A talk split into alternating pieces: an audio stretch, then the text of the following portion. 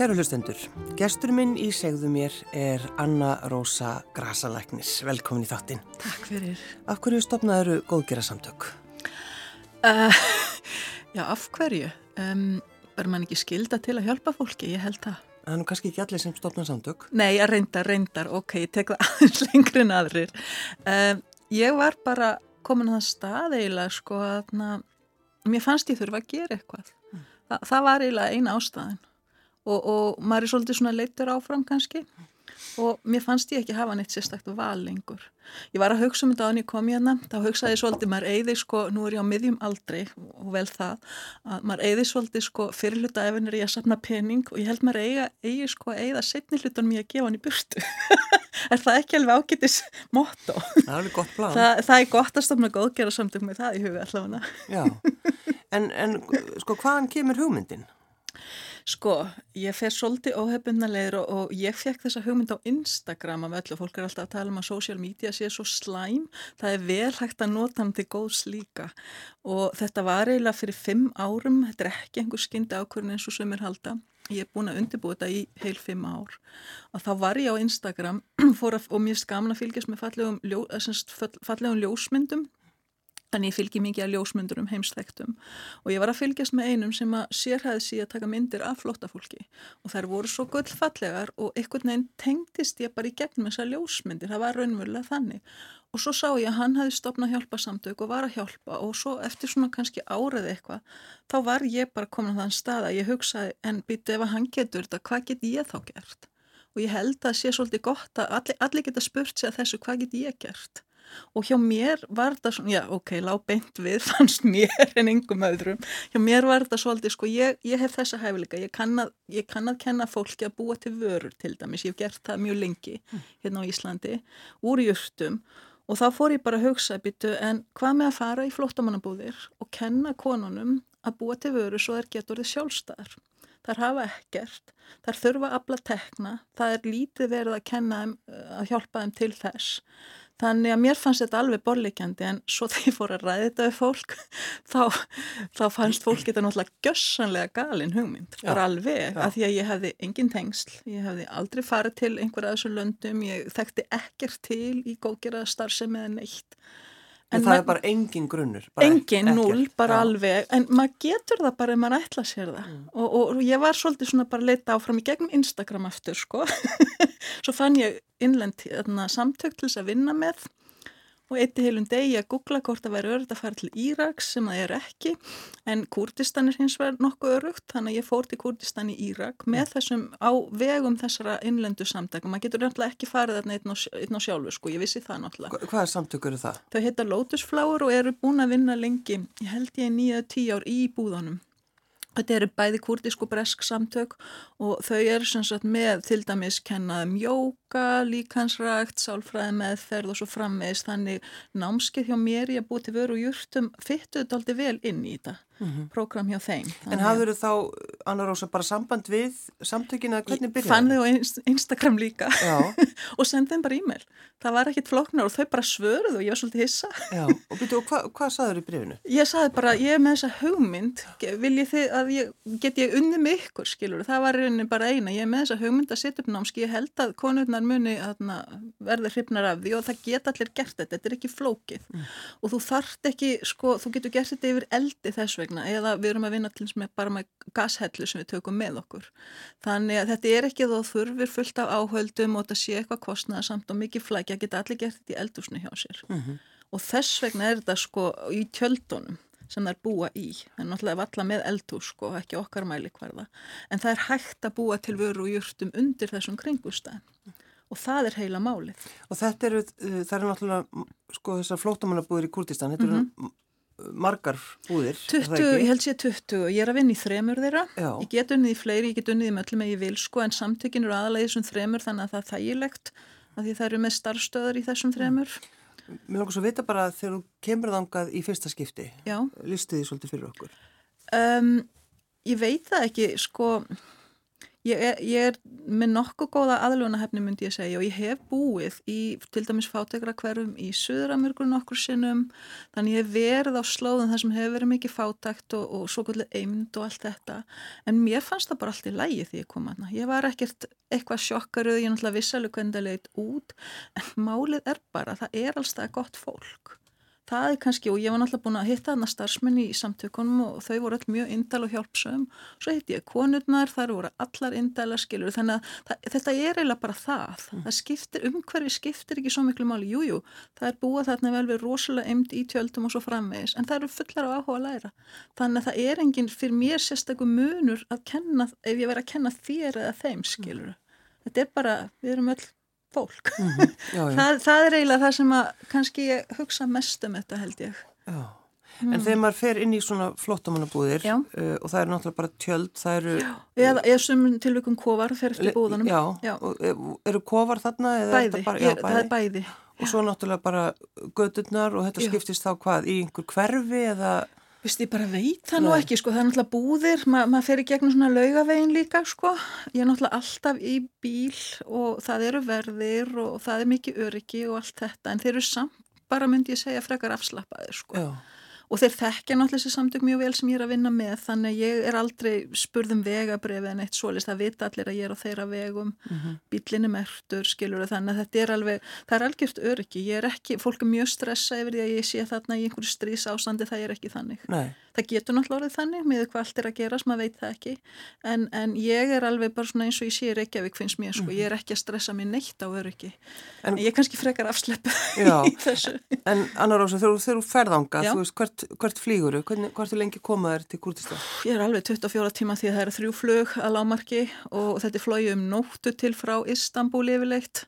Já. Eh, þannig að klukkan þrjú að nótt ert að fljúa yfir og svo, er, svo hittur eitthvað þar um nóttina og þarf að keira í tvo tíma þannig að þetta er alveg, þetta er alveg massíft, massíft vesin að komast ánga en maður bara veit það fyrir fram og nú er ég búin að gera það tvísvar þannig að þetta er ekkit mál. Mm -hmm og, og bara eðlilegt sko, þannig. Já, já. Maður verður bara að hugsa þannig, þetta er bara hluti af því. Þegar þú ferðarna, hvað, mm -hmm. ertu, sko, hvað, hvað ertu lengi?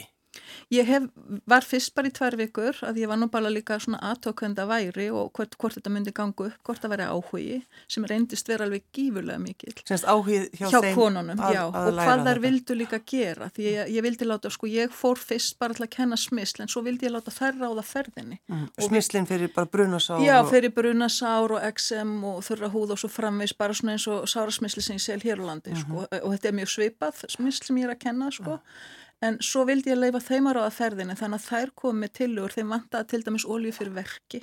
Þær eru allar undilaðar af verkjum af mjög mörgum ástæðum.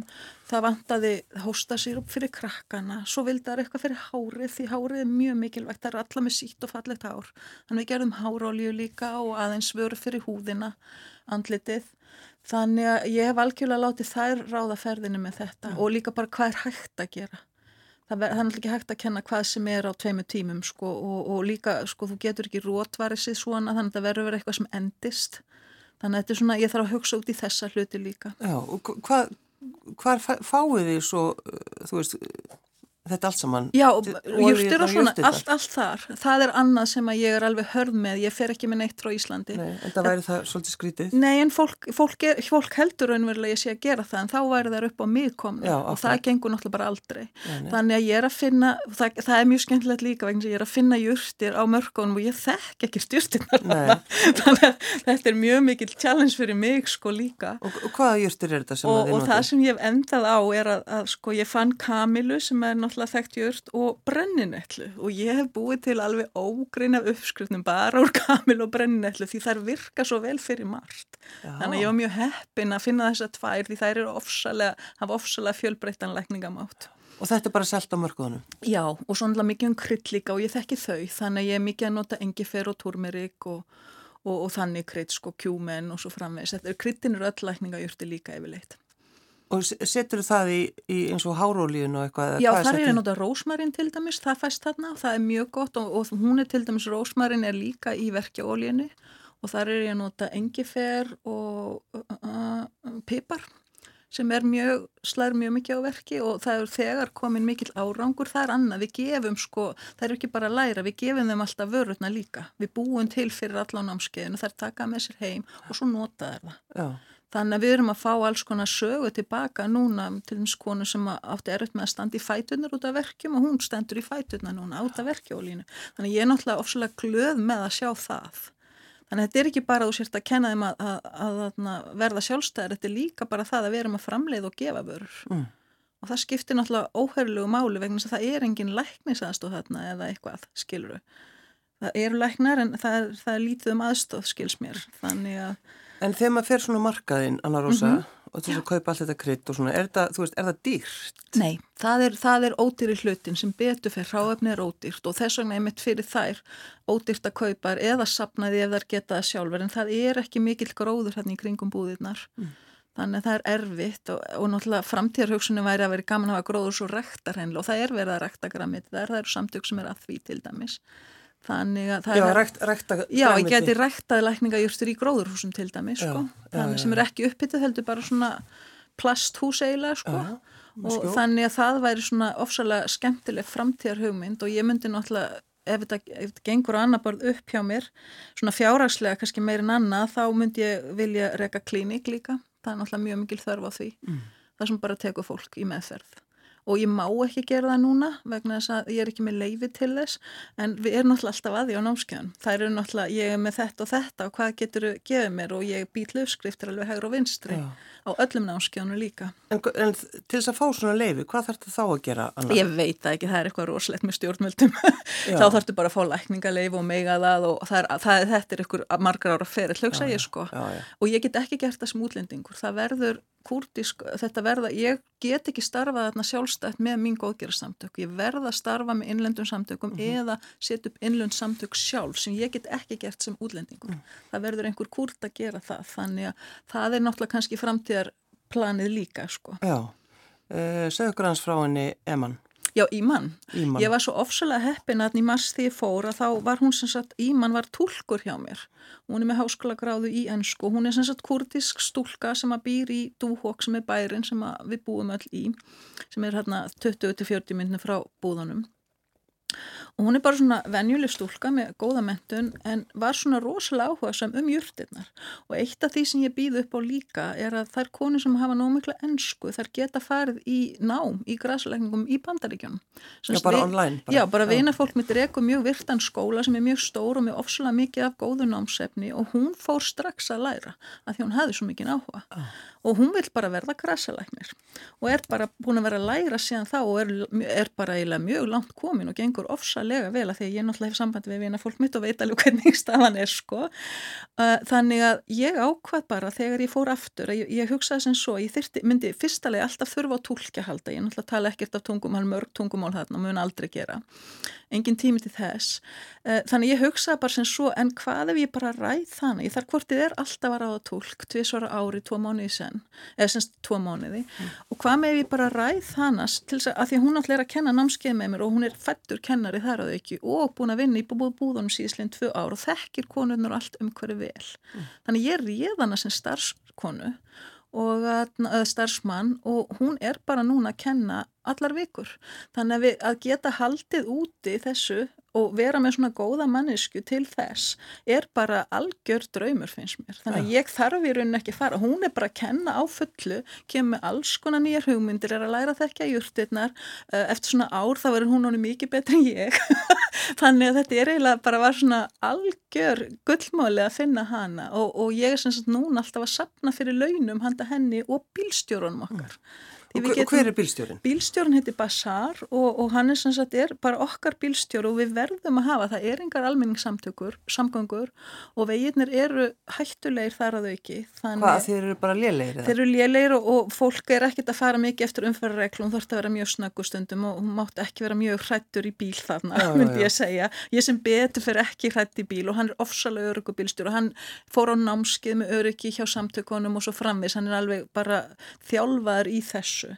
Þannig að ég var svo heppin að fá svona góðan bílstjóra líka vegna sem hún fer ekkit í flottamannabúðin til að kenna nema að hafa bílstjóra. Mm -hmm. Og það er líka öryggisadrið, hann er kallmaður, hún er kona, ungstelpa, þannig að na, Þannig að það, allt það skiptir máli líka í músliska samfélaginu sko að sé einhver fyldarmadur uh, en þú kemst ekki þarna hvort sem er nema að hafa bara góðan bílstjóra. Já. Þannig að ég er bara með tvo starfsmenn, takk fyrir. Já, Eh, hver er hans saga?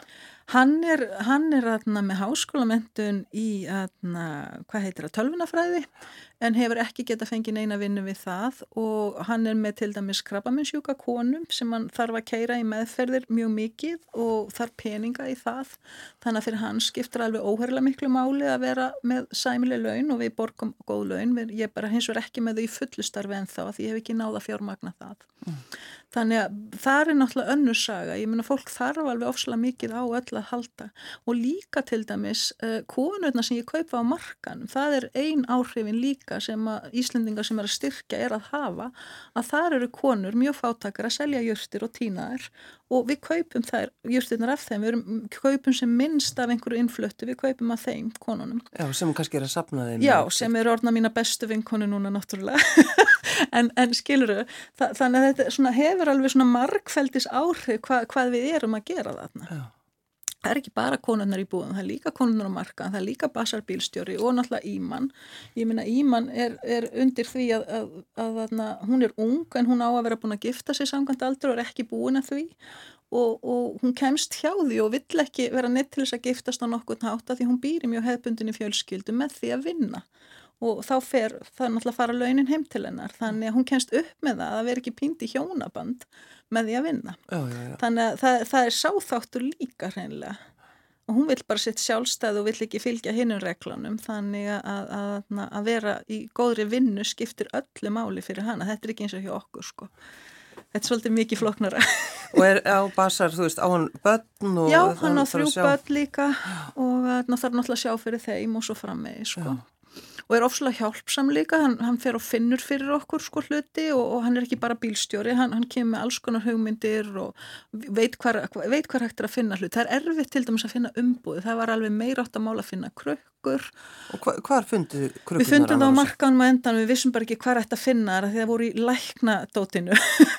Þannig að þetta er, þetta er bara, ef þú veist ekki svona hluti þá þarf þetta eitthvað til að aðstofa því. Þetta er ekkit, þetta er ekkit svona eins og bara flettir því upp á jápunktur eins og, eins og myndi er, gera hér. Er þetta þá svona einhverja glerkrukkur? Nei, bara plast, lélægasta plast sem þú getur fundið. Já. Það var að eina sem ég finn. Það er, sko, ég hef ekkert val með einhver gæði. Nei. Ég get valið jurtirna samkvæmt gæði, menn ekki umbúður eða neitt slíkt. Mm.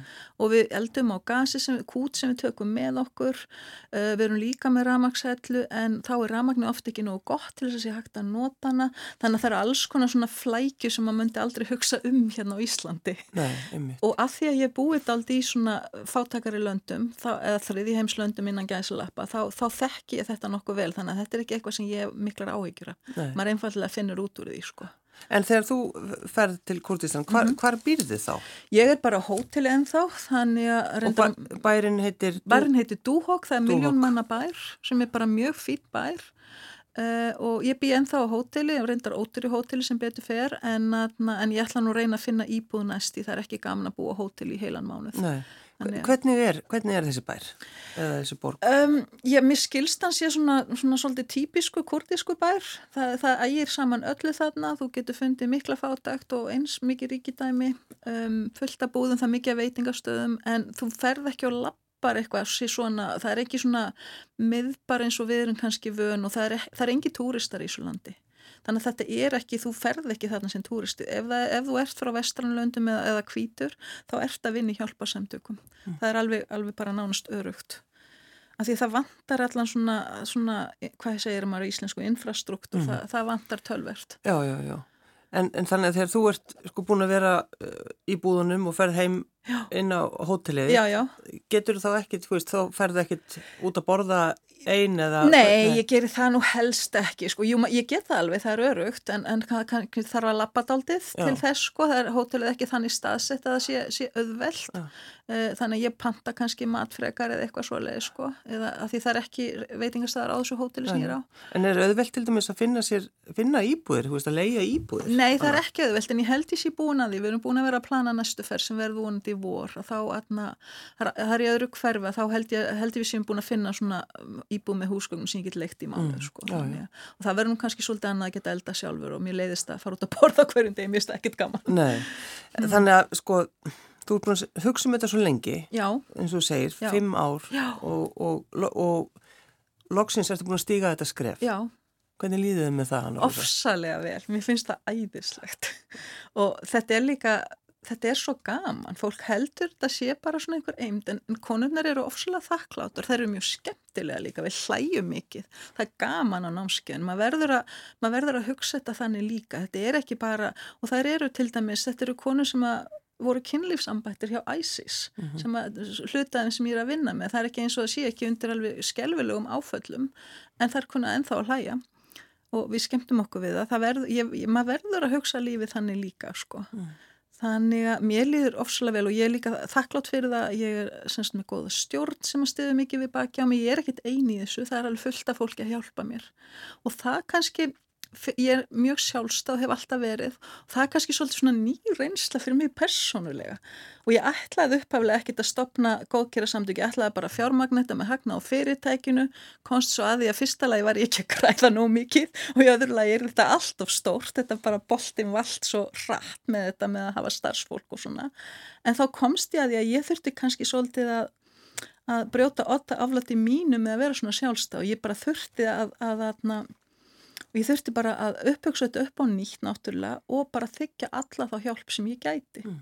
og það er að gerast. Þannig að fyrir það er ég mjög þakklátt Ertu þá að tala um þarna í, í gegnum uh, Lotusflower? Já, nei og, nei og bara allt. Og Íslendinga bara... núna styrkja til dæmis. Og fólk að vinna í sjálfbáðavinnu með mér í, í stjórninni. Hvað heita þessi samtök? Þau, þau heita nei, Mín samtök já. heita Lífgröss eða já, okkar samtök, það er ekki bara mín. Nei, þannig að það er bara lífgröðsinn sem Líf, að, við, við kannski kunnumst við Já, já, já, þetta er, og þetta Helping Herbs á ennsku reyndar en lífgröðs á íslensku. Og það er þetta að finna þau bara á livgröðs.is allt um það.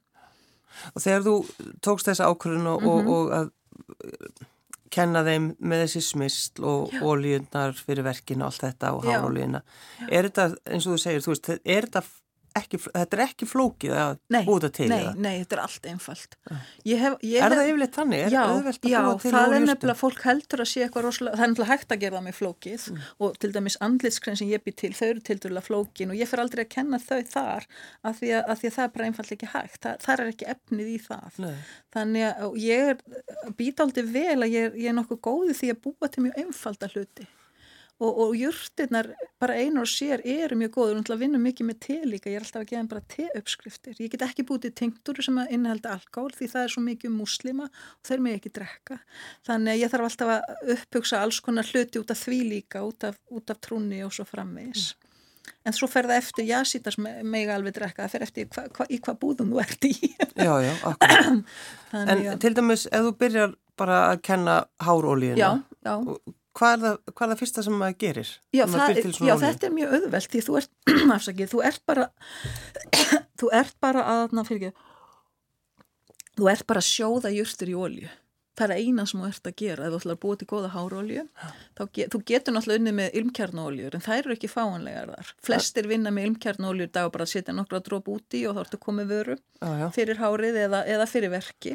En, en þarna er ég ekki með ilmkjarnóljur þannig að ég síð bara júrstinnar í ákveði langan tíma og lágum hitta og það verður að sjóða í töföldu vaspaði líka svo að brenna ekki. Þannig að þetta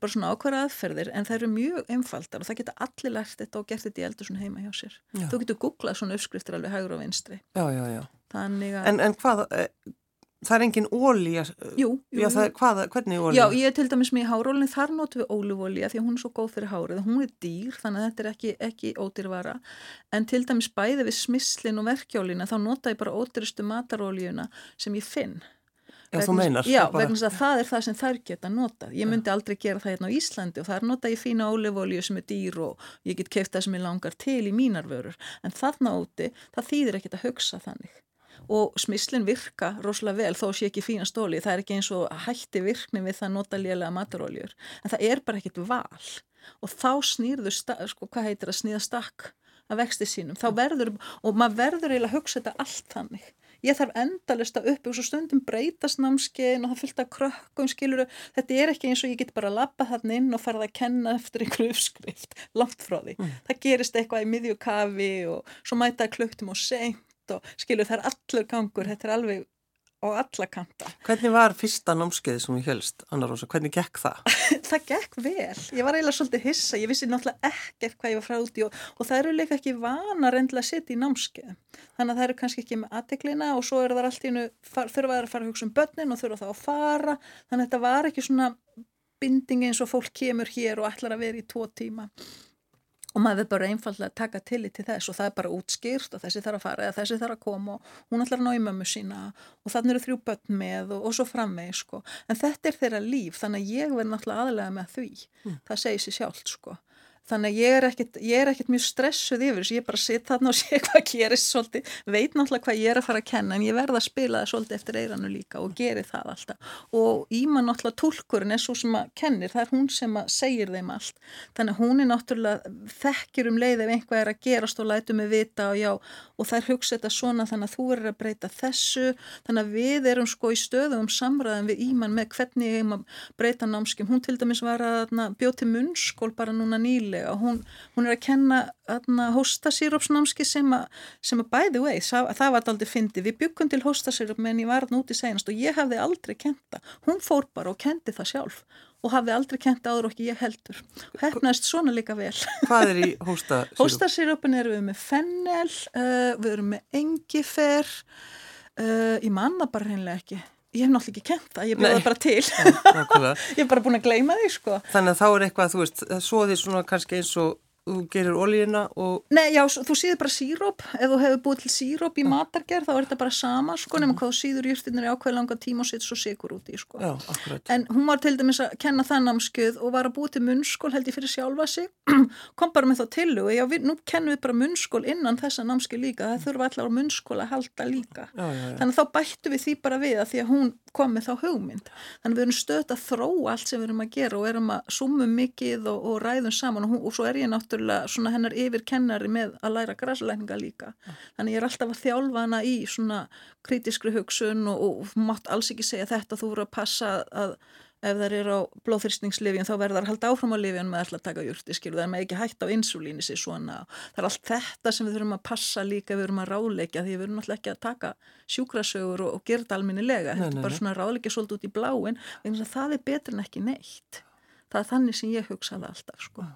En hefur sko, frétt af því Anna Rósa að, að þær eru að selja vörðuna sér? Já sko það eru fimm konu núna sem hafa syngt áhuga. Við munum þjálfa þær upp í því að reyka fyrirtæki uh, markasetja hvað mátt og hvað mátt ekki. Og það til dæmis er einn byrjuð að selja og hún byrjuði strax að auðvisa á Instagram og þá sá ég strax að hún var að hafa, hún let rósmarinn vera í ólína því að það var svo fallegt Já. og hún útskýrða þeir og líka svo að fólk myndi trúa því að þetta væri náttúrulegt, það myndi ekki trúa því annars.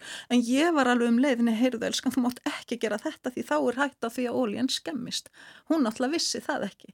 Þannig að þarna var ég að kennin í gegnum Instagram. Þannig að ég er í góðu sambandi við alla þó ég sé ekki á staðnum. Já, því að, að, því að Rósmarí það bara já, sko, miklar eða... Já, það getur valdið bakteríum sko, já, ef, þú ert, ef þú hefur það fest þarna onni, sko, þá getur bara ólíðan skemmist og miklar já. þannig að þú mátt alls ekki sitta og marka eitthvað svona sem að leit mjög fallega út en myndi ekki endast mjög vel en hún alltaf hefði ekki hugmyndu að bara gera þetta fallegt.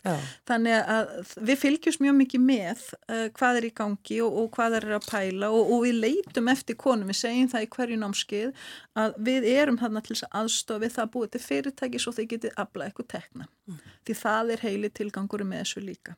Svo náttúrulega sömur sem vilja það og svo eru heilar fimm konur sem eru núna í námi í bandaríkjónu líka sem tala nómikla ensku til þess. Nema hvað einn þeirra talar ekki ensku en lætu bróðu sinn þýða takk fyrir þannig að hún horfir á vídeo með bróðu sinn við hliðin á sér til að þýða vídjón hún er það mikið áhuga. Mm. þannig að fólk retta sér þarna það verður, en, en sko það, það, þetta er svona óendilegi möguleika sem opnast ef þú hefur eins og til dæmis að hafa aðgangað þessum skóla og þú getur bara farið og lært meir og kannski getur hjálpað mömminu þá með eitthvað. Hvaða skóla er þetta? Þetta er, þetta er bara skóli í bandarækjana sem kennir online græsleikningar, þetta Já. er Commonwealth School og, og ég þekki bara fólki þannig og þau vildu hjálpa og þau eru líka styrtar aðlar þannig að na, það er mjög, það er alveg ómeitanlegt að hafa svoleiðis hjálp og græsalæknar út um allan heim er að hjálpa sko. það, því að þar er ég með mitt network er í græsalækna heiminum mm. þannig að ég er að leita til fyrirtækja þar með að styrkja og svo frammeðis og náttúrulega bara þá sem ég þekki líka Hefur eitthvað svona híkað við þetta Anna Rósa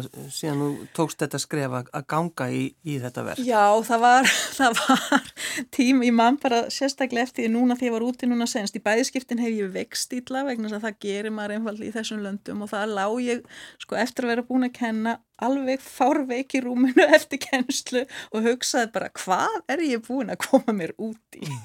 og það, það, það endist í svona klukkutíma kannski eða daginn ég mann það ekki en ég man bara það svona þymdi yrfið mig ég vil koma með alla þessa ábyrg með fólk sem að treysta á mig uh, fólk sem að treysti ég myndi einhvern veginn finna peninga fyrir laununum og svo frammeir og það reynlega þymdi yfir mig þarna mjög tímabundi skulum við segja en ég var líka alveg fárveik. Þannig að og líka það að ég vext í bæðiskiptinu og ég veit það og, þetta, og það er kólur í faraldur í gangi akkurat núna. Þannig að það er allt þetta skilur sem ég þarf að díla við og ég veit ég kennst ekki tjá því þannig að maður svona bara já, tekur því eins og hverjir hundsbytti en ég man bara að þymdi alveg rosalega með bara hvað er ég bara að koma mér út í? Já, já, já. og svo náttúrulega bara stendur maður upp aftur og heldur áfram. Það er ekkit flókið, maður verður alltaf að gera það. Eða ég er allavega að vinna þannig. Aldrei þú getur ekkit, þú getur ekkit sleft ábyrgni þú ert búin að lofa þessu skilur Nei, þú ert búin að stíga þetta skref, getur ekki hægt tilbaka. Nei, þú getur það eiginlega bara alls ekki og konurna stóla náttúrulega á það við höldum þessu áfram og þær fá bara við öru þó það verður aldrei að læra neitt.